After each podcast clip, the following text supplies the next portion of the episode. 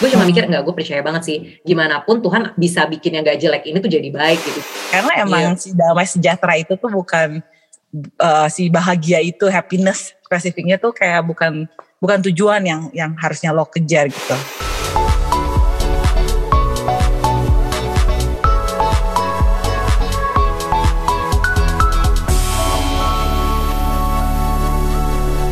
Halo teman-teman semua, welcome to GC 24/7 podcast by Grow Center Church. Wah happy banget ya punya kesempatan lagi buat kita bisa ngobrol-ngobrol di podcast ini. So welcome, welcome Valdo, welcome Green. Halo.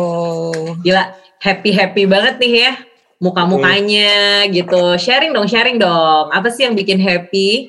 Bagus ya bridgingnya. Bagus ya Ibu Prita. Iya kan MC, Iya. moderator.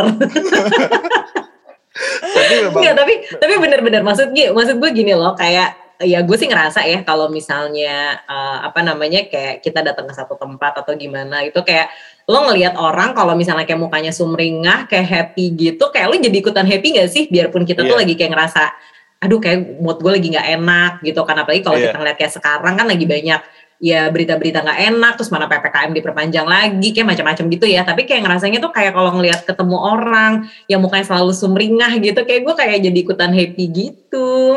Ya Iya, kayak ngeliat iya, muka green gitu deh senyum mulu kan tuh dari tadi tuh dia senyum senyum terus tuh. Iya iya bener bener bener bener. Kalau gue hari tapi- ini gue hmm, hmm. ah sorry lo sorry. ken- nggak nggak apa-apa lo kenapa green? Maksudnya kayak what makes you happy today? Itu gue mau tanya dulu nih Gue happy hari ini sih Elior sih. Karena gue dari jam 9 pagi sampai jam setengah 6 sore beneran duduk di meja kerja. Aha. Bener-bener even makan siang gue di depan laptop. Jadi pas Yes. selesai itu main sama Elior sih. Itu ya hari ini. Kalau hari ini yang paling bikin happy tuh itu sih. hmm, kalau lo dok gua Elior bikin gua juga. happy ya. Oh enggak. Elior yang bikin kita happy hari ini semua Gua happy karena baru menyelesaikan series yang sudah kelewatan 4 season. apaan Wah, apaan series apa apa apaan? Pokoknya yang 3 September keluar. nggak boleh di spill ya di sini ya Nanti Tapi- lo jadi tapi- nonton. tapi tapi emang sih kalau gue kalau menurut gue ya gue sih kalau gue ngelihatnya gini uh, happiness itu kayak masalah mindset aja sih gitu kan. Kalau misalnya kita ngelihat emang apa yang terjadi di sekitar kita tuh kayaknya uh, even ya sebenarnya kita punya alasan buat bahagia tapi kalau kita memilih untuk nggak bahagia ya jatuhnya tuh jadi kayak semuanya tuh kayaknya nggak ada yang bisa disyukuri nggak ada yang bisa dibikin happy gitu kan. Kayak gue pribadi hari ini jujur sih seminggu kemarin tuh gue kayak ngerasa hektik banget gitu kan sama schedule kerjaan dan segala macam. Sedangkan gue juga harus kayak nemenin Carla sekolah. Sampai ngerasa tuh gue kayak nggak ada waktu sama sama diri gue sendiri. Tapi Hmm. kayak akhirnya gue kayak nemuin waktu as simple as waktu pada saat gue berdoa gitu ya. Terus gue kayak muji Tuhan terus gue kayak ngerasa aduh Tuhan thank you banget ya gitu. Maksudnya semua itu baik dan gue nggak tahu kenapa tuh gue ngerasa kayak happy gitu. Ngerti gak sih? Happy yang nggak bisa Iya. dijelasin gitu gitu. Kalau gue sih gitu. Penting ya kita ngerasa bahagia itu ya. Mm-mm. Penting Dan- sih. Dan Do, silakan. Dan dan menurut gua tuh kan bahagia sebenarnya kan ketika ekspektasi yang kita mau kan sesuai kan. Mm. Nah masalahnya Hmm. sering banget eh, kita jadi nggak happy karena ah gue pengen ini ternyata nggak dapet kan. Jadi jadi kadang-kala tuh kita justru eh, happy ka- harus happy itu harus ketika semua sama sama maunya kita. Jadi yang dari Hmm, luar mempengaruhi hati kita. Hmm. Padahal Hmm, sebenarnya kan harusnya happy itu dari dalam buat gue ya kalau gue belajar gitu kan. Mm. betul. Harusnya tuh happy, itu dari dalam dari dalam yang keluar bukan sekeliling kita yang menentukan kita happy atau enggak sih gitu. Agree sih Betul, gue, betul. agree banget. Mm, mm, mm. Kayak tadi si Prita bilang, kata kuncinya di situ sih yang Prita bilang itu keputusan sih menurut gue. Kalau kalau kalau soal happy gitu karena gak tahu ya gue kayak kan sejak pandemi satu setengah tahun ini kita banyak waktu di rumah, Hmm. mulai Iya. melihat banyak hal em, kayak even hubungan maksudnya suami istri mau nggak Iya. mau intens banget, ketemu mulu Yep. gitu terus uh, sama anak juga gitu jadi kayak uh, apa namanya hal simple kayak kayak gue main sama anak gue deh Uh, terus dia apa ya dia berantakin rumah banget misalnya hmm. Itu tuh emang tergantung gue aja. Jadi kalau gue gue yang putuskan dengan kondisi itu tuh gue gue gua gue happy atau enggak gitu. Kalau hmm. gue ngelihatnya aduh ini rumah berantakan banget itu gue memutuskan untuk nggak happy sih sebenarnya. Tapi kalau gue melihatnya dengan kayak uh, ya ampun ini ini anak belajar banyak banget nih dengan kayak begini nih gue yakin. Itu yeah. emang bikin happy. Jadi emang gue gue yakin semua hal sih bener-bener kayak ada dua sisinya emang tergantung kita keputusannya mau mau happy atau enggak sih betul hmm. betul dan kalau gue nyambung sedikit sama Green ya soal ppkm hmm. ya kan hmm. gue setuju gitu kalau kalau happy itu keputusan dan kalau waktu kita ppkm kan di rumah mulu ya sebenarnya kan hmm. makin sering ketemu makin tinggi kemungkinan untuk berantem gitu kan hmm. nah jadi uh, eh, gue tuh belajar juga bahwa ternyata yang menular bukan cuma COVID tapi happy. Ketika yes. gue happy, istri gue juga ikutan happy gitu. Hmm. Ketika gue lagi bete, terus gue liat istri gue senang ketawa-ketawa, mungkin cuma nonton doang gitu, terus kajaknya nonton bareng. Gue ikutan happy gitu. Jadi sebenarnya yang menular di masa PPKM ini bukan cuma COVID, tapi sebenarnya hmm. kebahagiaan juga bisa kita tularin ke orang-orang. Mungkin di sekitar kita yang dekat gitu, di rumah gitu. Hmm. Agree sih, oh. agree banget. Kayak happiness tuh emang contagious banget sama kayak hal-hal yang emang ya negatif ya gitu. Negatif aja bisa mempengaruhi kita gitu kan ya. Kalau misalnya terlalu banyak lama-lama juga jadi depresi juga. Tapi kalau misalnya kita ngomongin happiness ya emang ya itu happiness ya benar yang tadi Green bilang itu itu keputusan kita gitu. Kita nggak bisa karena tadi gue setuju sih dok itu ngena banget sih menurut gue. Karena gue yakin banget sih di luar sana tuh banyak orang yang ngerasa nggak happy. Sebenarnya karena mereka punya ekspektasi tuh too high gitu nggak sih? Yeah. kayak mereka tuh kayak berharap uh, maunya gue tuh gini, maunya gue tuh gitu gitu. Tapi kalau gue ya selalu mikir tuh gini, kita tuh bisa um, ngerasa benar-benar happy ya pada saat ya selain kita memilih sendiri ya, pada saat kita tuh ngerasa ya semuanya tuh udah diatur sama Tuhan gitu. Jadi apa pun yang memang nggak terjadi sesuai dengan ke kepengenan kita gitu kita tahu itu tuh bawa hal baik jadi gue tuh kadang-kadang suka mikirnya gitu karena bener deh kalau misalnya ngelihat kayak kondisi sekarang ya apa sih sebenarnya yang bisa kita yang bisa kita pastiin gitu loh oh pasti bakal jadi begini pasti bakal jadi begitu nggak ada gitu kita mau buat plan mau buat goal kayak gimana itu bisa aja deviate bisa aja kayak ke mana-mana gitu kan tapi ujungnya tuh kayak kita tahu udahlah kita cuma mikir gini yang satu sih yang gue bener-bener pegang banget ya sampai akhirnya gue bisa ngerasain Uh, sebenarnya kan yang paling tinggi kan kalau misalnya kayak kita uh, ngomongin kebahagiaan tuh kan kayak damai sejahtera dan sukacita kan. Mm -hmm. Jadi itu yang gue keep itu ya ya tadi gitu gue cuma mikir gini, ini semua Tuhan yang pegang kendali. Gue cuman kayak ngeliat apa pun walaupun semua tuh kayak gue ngeliat ini kok jadinya jelek banget ya, kok jadi kayak gini ya, kok jadinya kok nggak oke okay banget. Gue cuma hmm. mikir nggak, gue percaya banget sih. Gimana pun Tuhan bisa bikin yang gak jelek ini tuh jadi baik gitu. Jadi gue mikir kayak dan pada saat gue berpikir kayak gitu, akhirnya tuh kayak apa pun yang gue pikirin di mindset gue, di pikiran gue dan semua sekitar gue pun jadi berubah gitu loh. Karena gue ngerasa oh ya udah gue udah kayak gue nggak mau gue nggak mau hold that perasaan kayak nggak terima gue nggak mau hold that perasaan marah gitu. Yang udah yang keluar kayak ya gue damai-damai aja gue tenang gue suka cita aja gitu. Hmm, hmm, hmm, hmm, hmm. tapi emang kayak gue tuh ngerasa soal ini yang soal keputusan soal uh, apa lo berusaha mikirin pokoknya gue mau damai sejahtera aja gue mau itu. Kayak kita tuh bersyukur bisa jadi orang-orang maksudnya kayak walaupun gak at least di kasus gue gue tuh gak selalu juga bisa memutuskan untuk memilih happy gitu loh. Hmm. Ada juga hari-hari kan gue pilih pilih marahnya, pilih sebelnya gitu kan. Hmm. Tapi kayak misalnya kalau kalau lo pikir-pikir sebenarnya paling gampang buat tetap dalam kondisi itu tuh apa ya? Karena gini, ini tuh lucu banget sih. Tapi ini menurut gue kita bertiga nih relate banget. Karena sebenarnya generasi kita, generasi milenial. Lo, kalau lo milenial kan Ece ya? Ya, ya, ya, maaf, ya, saya ya. alpha. saya uh, itu generasi alpha sama kayak Elior. si, alpha dan.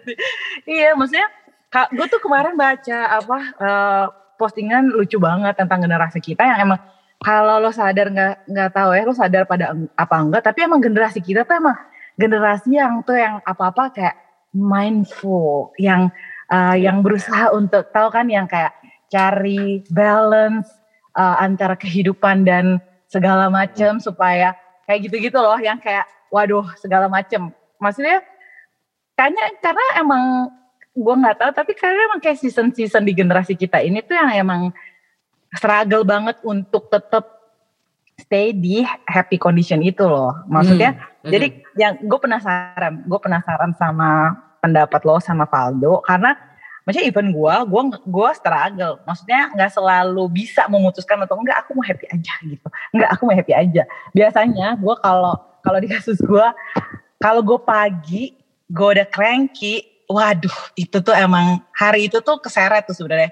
Kayak uh, bawaannya tuh kalau gue starting day udah nggak nggak nggak nggak happy nggak nggak happy ya istilahnya itu biasa seharian tuh ngaruh tuh. Nah gue nggak tahu tapi gue yakin banyak orang di luar sana pun yang kayak emang struggle sama ini. Gimana sih tetap lo memilih untuk bahagia itu keputusan itu tuh gimana? Gue penasaran. Ini gue penasaran gitu antara lo sama Valdo gimana kira-kira Prit gimana Bu Berita Makasih Bapak Valdo. Oke, okay, jadi kayak mungkin lebih kayak apa ya, kayak hal simple apa yang bikin akhirnya kita bisa ngerubah ya. Kalau gue gini loh, hmm. uh, apa namanya, gue juga awal mulanya tuh jadi orang yang menurut gue, um, gue tuh orangnya kan gak sabaran banget ya, gitu kan, gak hmm. sabaran. Terus gue tuh orangnya tuh cepet banget marah. Hal kecil pun tuh gue bisa kayak ngamuk gitu kan. Nah, tapi gue tuh kayak selalu mikir gitu ya uh, mungkin apa yang memang masuk ke dalam pikiran kita gitu maksudnya kayak yang menurut gue sih gini apa yang sering banget masuk di kita baca, kita lihat, terus begitu kita denger atau bahkan yang terjadi di sekitar kita gitu kan ya, itu tuh mempengaruhi banget sih Green sama yang tadi lo bilang betul, menurut gue banget. gitu kan. Karena gini, uh, waktu gue bilang gue tuh memang orang yang pemarah apa segala macam, gue kan mulai kayak uh, reflect uh, ke di dalam diri gue kan, gue tuh kenapa sih gitu kan? uh, mungkin selama ini yang gue ngeliat tuh ya hal-hal yang memang negatif bawaannya tuh toxic gitu. Hmm. Jadi kemarin ini gue sempat kayak ngikutin ada satu kelas gitu ya ya dia tadi yang lo sebut salah satu kelas mindfulness itulah. Yeah. jadi di situ tuh uh, apa namanya gue belajar tentang level energi gitu kan. Jadi hmm. memang ada beberapa hal itu yang tanpa kita sadari itu sebenarnya membawa kita pada uh, apa ya kayak ya tadi gitu kayak bad mood kayak jadi nggak happy gitu. Salah satunya apa? Misalnya kayak kita uh, kayak nonton nonton TV gitu kan. Kadang-kadang mungkin nggak sadar ya gitu kan. Kita ngelihat TV oh ya ini serinya bagus nih gini gini gini. Tapi ternyata itu tuh bukan karena itu tidak ya mungkin ada ceritanya kita pikir kan ya biasa lah seru apa segala macam tapi somehow itu masuk ke dalam uh, pikiran kita tuh jadi kayak di, diolah tuh jadi kita tuh jadi nggak tenang gitu kan. Itu hmm. baru apa yang kita lihat. Terus misalnya yang kita baca di sosmed pasti dong kita tuh sering banget kan baca ya kita kan kadang-kadang nggak bisa filter ya gitu kan apa yang orang hmm, posting kita hmm, suka baca-baca. Terus udah gitu belum lagi kita ngeliat sekitaran kita yang bener-bener yang ah gila oh, ini hari ini anak gue ini berantakin ini hari ini anak gue nggak mau sekolah anak gue hari ini ditegur nggak bisa baca itu kan sebenarnya kayak hal-hal yang lo pikir kayak small things yang satu satu satu satu tapi itu sebenarnya numpuk numpuk numpuk numpuk akhirnya tuh bikin hmm. kita tuh jadi seseorang yang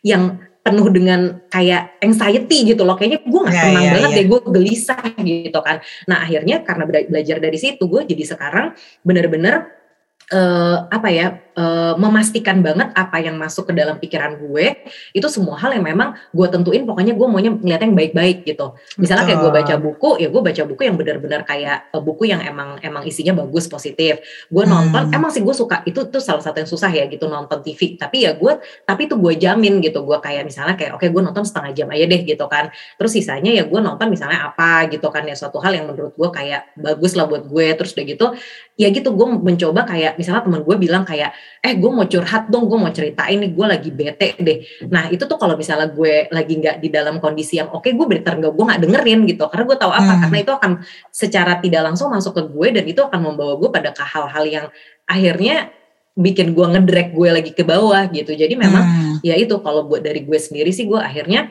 memfilter sih green do okay. gitu kan. Apa yang masuk ke gue supaya gue hmm. bisa tetap happy. Itu gue. Good good good. Do gue do gimana gue setuju, gue setuju Oke, okay, kalau lo gimana Green?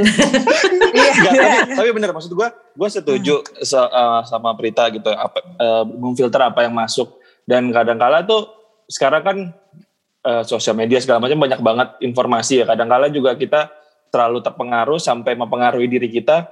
Betul. Buat gue tuh kita menarik diri sesekali menarik diri dari dunia itu yang kita nggak mau pikirin soal itu tuh bukan berarti kita egois tapi kita juga memikirkan kebahagiaan kita gitu dan hmm. kalau tadi nyambung ke yang Green tadi, gue gue juga sering mengalami sih. kan kan Paulus bilang di Roma nih kan, dia tahu apa yang baik tapi yang jahat yang dilakuin kan. Sebenarnya dalam pikiran hmm. gue, gue tuh sering banget gitu. Gue tahu sebenarnya yang yang harus gue lakuin tuh ini, tapi gue kebawa kebawa emosi gitu. Jadi jadi keluar ya keluar malah marah. Iya hmm. yeah, Yeah. Dan gue tuh beberapa hari terakhir, baru minggu lalu kayaknya gue ngobrol sama sama istri gue, sama Tata, gue nanya gitu, kalau satu sampai sepuluh kamu uh, ngasih nilai berapa untuk pernikahan kita? Untuk kebahagiaan kita kebahagiaan kamu di pernikahan kita? Dia jawab 6 jawabannya persis sama gua sama gitu. Ternyata tuh masih 6 itu sebenarnya 6 dari 10 kan lebih dari 5 ya tapi buat gua tuh masih kurang gitu kan kalau hmm. dalam pernikahan kan. Terus kita mulai ngobrol mulai ngobrol ternyata kita dapat kesimpulan bahwa sering banget kita satu sama lain tuh pakai standar kita untuk untuk hmm. pasangan kita gitu. Yeah. Jadi kita sering kali pakai standar kita untuk orang lain dan itu justru membuat kita nggak bahagia karena hmm. kita balik lagi kayak awal gue bilang gue sama Tata gitu gue pengen Tata sesuai dengan ekspektasi gue terus kalau hmm. dia nggak sama ekspektasi gue gue nggak bahagia padahal sebenarnya hmm. bukan itu yang harus dilakuin kan sebenarnya hmm. dalam pernikahan gue harusnya saling menerima gitu gitu sih hmm. keren keren keren gue kayak nyambung ke lo berdua uh, yang Prita bilang tadi tapi itu bener banget sih maksudnya kalau lo tadi Valdo bilang di rumah tapi maksudnya Paulus even Paulus kayaknya mau Paulus ngomongin soal ini nih banyak karena feeling gue Paulus nih emosian tau gak dia bahas soal ini tuh lumayan banyak kayak di Filipi 4 ayat 8 dia juga kan bilang apa ya akhirnya uh, pikirkan kalau lo tahu dia pikirkan semua yang mulia, wow, yang yes. adil, yeah. kan, mm. yang suci, yang manis, yang sedap didengar gitu kan. Betul, semua betul. pokoknya kebajikan dan patut dipuji. Terus kalau misalnya lo, lo lo ingat ayat itu di bagian paling terakhir pasal itu dia bilang maka Allah sumber damai sejahtera akan menyertai kamu. Sebenarnya dia ngomong kayak yeah. gitu. Mm-hmm. Yeah. Jadi tuh kayak yang kalian bilang tuh benar banget dan gue tuh uh, uh, kayak apa? Gue tuh kayak misalnya kayak tadi kan gue uh, gue udah bilang kalau misalnya gue kadang pagi udah mulai uh, keganggu tuh ya uh, itu itu kan ke bawah tuh seharian nih. Makanya tuh sekarang yang Rita bilang coba kontrol, gue tuh berusaha banget kontrol apa yang masuk ke gue itu hal hmm. pertama dulu. Hmm. Makanya pagi uh, kalau misalnya orang-orang tuh banyak uh, di apa tempted buat buka sosial media, gue tuh sebenarnya tempted untuk buka WhatsApp kerjaan. Jadi kayak aduh, jadi emang jadi hmm. tapi itu tuh selalu bikin kayak beban kayak lo tau kan sebelum lo baca Alkitab udah wah ini udah disikat aja nih udah kebayang hari gue gitu kan. Jadi itu yang gue berusaha untuk kayak itu kan bagian yang bisa gue kontrol. Gak ada hmm. buka-buka itu dulu sebelum masuk firman dulu nih. Jadi biar yes, masuk dulu, agree. Udah tenang dulu, baru naik nih. Karena emang akhirnya tuh gak bisa bohong cara gue ngelihat kerjaan gue emang beda setelah gue baca firman kan jadi kayak udah di ini dulu nih udah di kayak jagain dulu baru oh ya ini bener nih mm -hmm. uh, ini berarti ini kesempatan untuk untuk emang uh, kontribusi kesempatan buat ini itu segala macam tapi kalau misalnya belum apa apa melek langsung jangan lupa kirim ini ini ini aduh gitu kan yeah. jadi kayak mm. emang apa ya yang bisa kita upayakan ini selain itu karena emang decision dan buat bikin decision yang lebih gampang yaitu coba dulu uh, yang pertama kayak Prita bilang um, uh, apa kontrol kendalikan apa yang bisa kita kendalikan itu apa yang kita apa yang masuk kita yang kita hmm. konsumsikan hmm. dari mana pun itu terus hmm. yang kayak Valdo bilang ya itu simply apa manage apa ekspektasi kita aja gitu hmm. karena emang hmm. uh, dunia ini kan nggak nggak berputar seputar kita gitu. Kita bukan center of everything ya. Yeah. Semua orang ada ada hmm. ada ininya juga. Jadi emang ini dan itu gue gue belajar banget dalam relationship sih.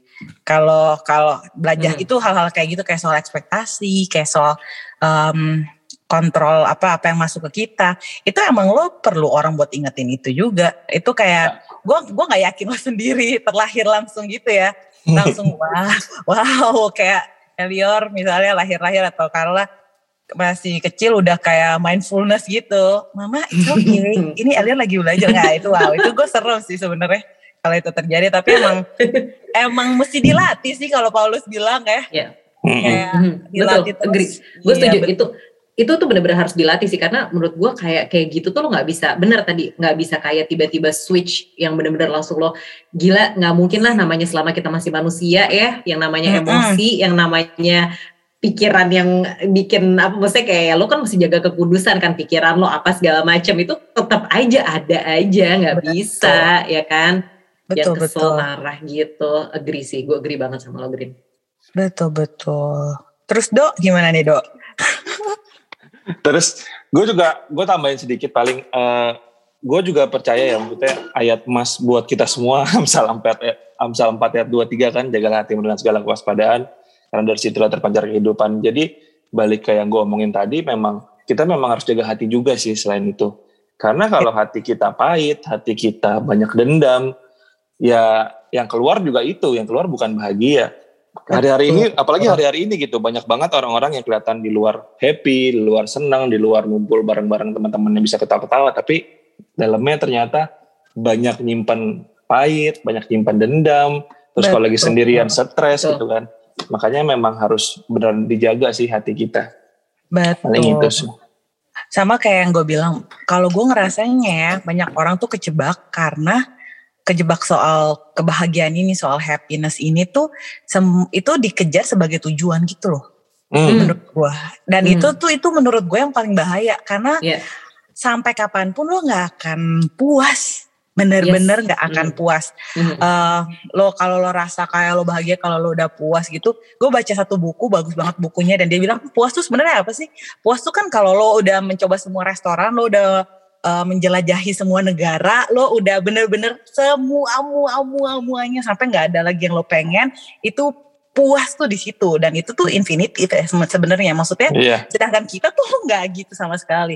Jadi kalau hmm. misalnya menurut gua kadang banyak orang yang miss tuh karena ya itu kalau selama kebahagiaan yang um, lo kejar percayalah lo nggak akan bahagia gitu karena yeah. lo nggak akan puas kayak gue tuh inget sama sama kayak relationship, sama kayak pernikahan, sama kayak apa pun lo temenan. Kalau hmm. lo cari uh, gue temenan sama dia biar gue happy, itu itu ya percayalah lo nggak kalah happy. Lo nikah hmm. dan tujuan pernikahannya adalah happy, happy percayalah yeah. itu kayak nomor yeah. satu.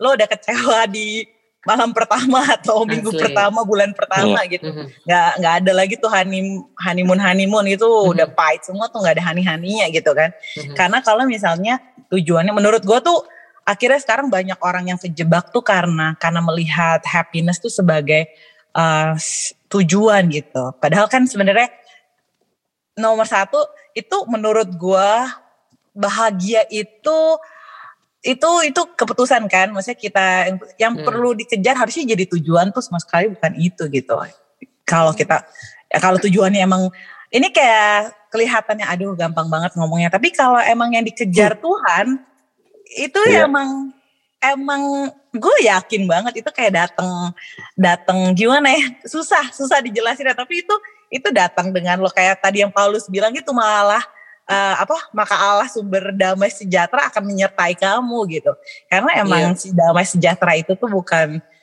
uh, si bahagia itu happiness spesifiknya tuh kayak bukan bukan tujuan yang yang harusnya lo kejar gitu gitu sih gue ngerasanya kalau banyak orang yang kayak kejebaknya di situ sih hmm. happiness gitu. is a gitu. journey ya perjalanannya betul. lo lo bisa memilih buat bahagia gitu betul yes, yes, yes, yes. betul betul betul Luar biasa. Jadi terakhir nih Kak Prita, gue mau nanya sebelum gue tutup. kenapa kenapa kita harus bahagia? Um, kenapa di tengah PPKM ya, kenapa ini kita, kita harus bahagia? Tetap, kenapa di tengah PPKM ini kita harus tetap bahagia? Ya itu tadi balik lagi ya gue ngerasa memang bahagia itu kan sebenarnya kan pilihan kan. Nah masalahnya tuh begitu banyak hal di dunia ini yang gak bakal bisa kita kontrol.